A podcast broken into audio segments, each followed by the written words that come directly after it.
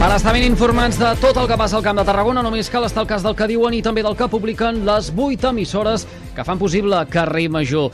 És dijous 11 de maig de 2023 i això és l'Infotarda Daily. Anna Plaça, bona tarda. Explica'ns, si us plau, què tenim avui en portada. Doncs avui comencem parlant d'educació, concretament de formació eh, professional. L'Institut eh, Pere Martell de Tarragona, que està situat al complex educatiu de l'antiga laboral, comptarà amb un simulador per aprendre a conduir camions. N'hi haurà quatre més en altres centres de Catalunya amb l'objectiu d'impulsar la formació professional relacionada amb el transport per carretera. El projecte l'han presentat avui, aquí a mateixa Tarragona, els consellers d'Educació, Josep González Combrai, i el de Territori, Juli Fernández. El sector del transport per carretera dona feina a uns 110.000 treballadors al país. Més coses. El Col·legi Oficial d'Infermers de Tarragona alerta que falten 2.000 professionals d'aquesta tipologia a la demarcació. L'entitat manifesta que la ràtio d'infermeres està molt per sota de la mitjana europea. A Europa hi ha 8 professionals per cada 100.000 habitants i a Tarragona, tot just, n'hi ha 5 de mitjana. El col·legi alerta que aquest dèficit, que s'arrossega des de fa anys, des de 2018, encara s'agreujarà perquè en els pròxims 10 anys està prevista la jubilació de més de 700 professionals a la demarcació. Unió de Pagesos reclama més facilitats per caçar cabirols a les comarques vitivinícoles del Camp de Tarragona i el Penedès. El motiu és l'increment de la població d'aquests animals, d'aquests cèrvits, que causen danys d'entre el 50 i el 100% en algunes finques de vinya perquè se'n mengen els brots tendres.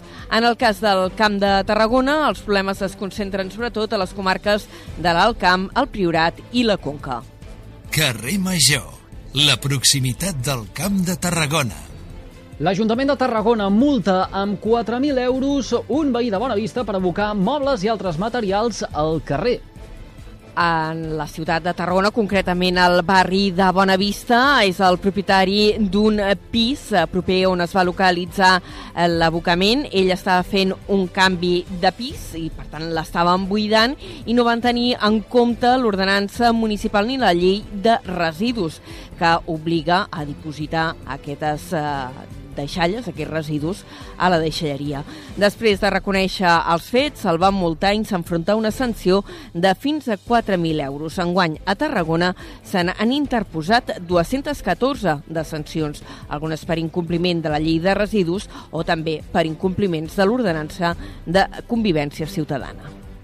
La festa del comerç just arriba aquest divendres a la plaça Corsiri de Tarragona n'és la 22a edició i enguany es fa a sota el lema Canvia el teu conjunt el teu consum, volem dir, i juntes canviarem el món. Les activitats començaran a les 5 de la tarda amb la lectura del manifest i després una batucada. També hi haurà contacontes i moltes altres eh, activitats pensades per a un públic familiar. Carrer Major és proximitat. En esports, el CBT suma la primera victòria en la fase final d'ascens a la Lliga EVA. Concretament eh, s'ha imposat, els blaus s'han aconsegut imposar a la pròrroga després d'una remuntada. Ho han fet eh, per 77 a 84 davant dels Sorcuellanos i el pròxim partit el tindran davant del Logroño, que també eh, s'ha aconseguit imposar en aquesta primera jornada, en aquest cas el Pinar, i l'objectiu és poder-se assegurar una de les dues primeres posicions. I en cultura, el FICAT arriba a la quinzena edició amb una selecció de 57 produccions que es podran veure a la sala del Casino Municipal de Roda de Barà. Avui s'ha presentat aquesta nova edició del Festival de Cinema en Català de Roda ja té dates, es farà del 10 al 17 de juny i es, eh, que es projectaran eh, llargmetratges, documentals i curts amb l'objectiu de reivindicar que el cinema es vegi a les sales de cinema. El festival vol apropar-se als joves i comptarà també amb la preestrena de la nova sèrie de Televisió de Catalunya, La mirada de la Fiona. Carrer Major, fent camp de Tarragona. Dit tot això, coneguem quin temps ens espera de cara a les properes hores i connectem amb el Servei Meteorològic de la xarxa de comunicació local. Lluís Vipérez, hola, molt bona tarda.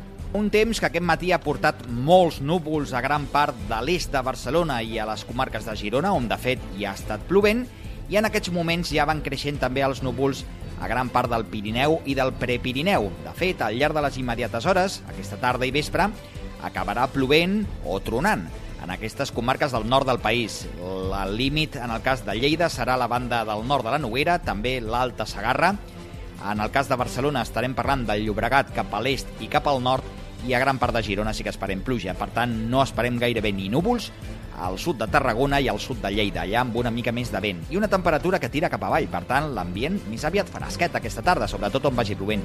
Aquesta nit plourà a bots i barrals a gran part de les comarques de Barcelona i demà al matí ja tindrem ruixats entre Barcelona i Girona. Demà a la tarda, molt més generals. Fins i tot també demà arribaran a les comarques de Tarragona. Ho anirem seguint a la xarxa. Gràcies, eh, doncs eh, ho explicarem nosaltres, eh, si plou. Bona notícia. Anna Plaça, ho haurem de deixar aquí. Gràcies també a tu per aquesta pinzellada informativa amb el més destacat de la jornada al nostre territori. Que vagi bé, fins després. Fins després. I tots vostès poden recuperar l'Infotarda Daily d'aquest dijous 11 de maig mitjançant les xarxes socials de les 8 emissores que cada tarda passegen plegades pel carrer Major. Gràcies per seguir-nos.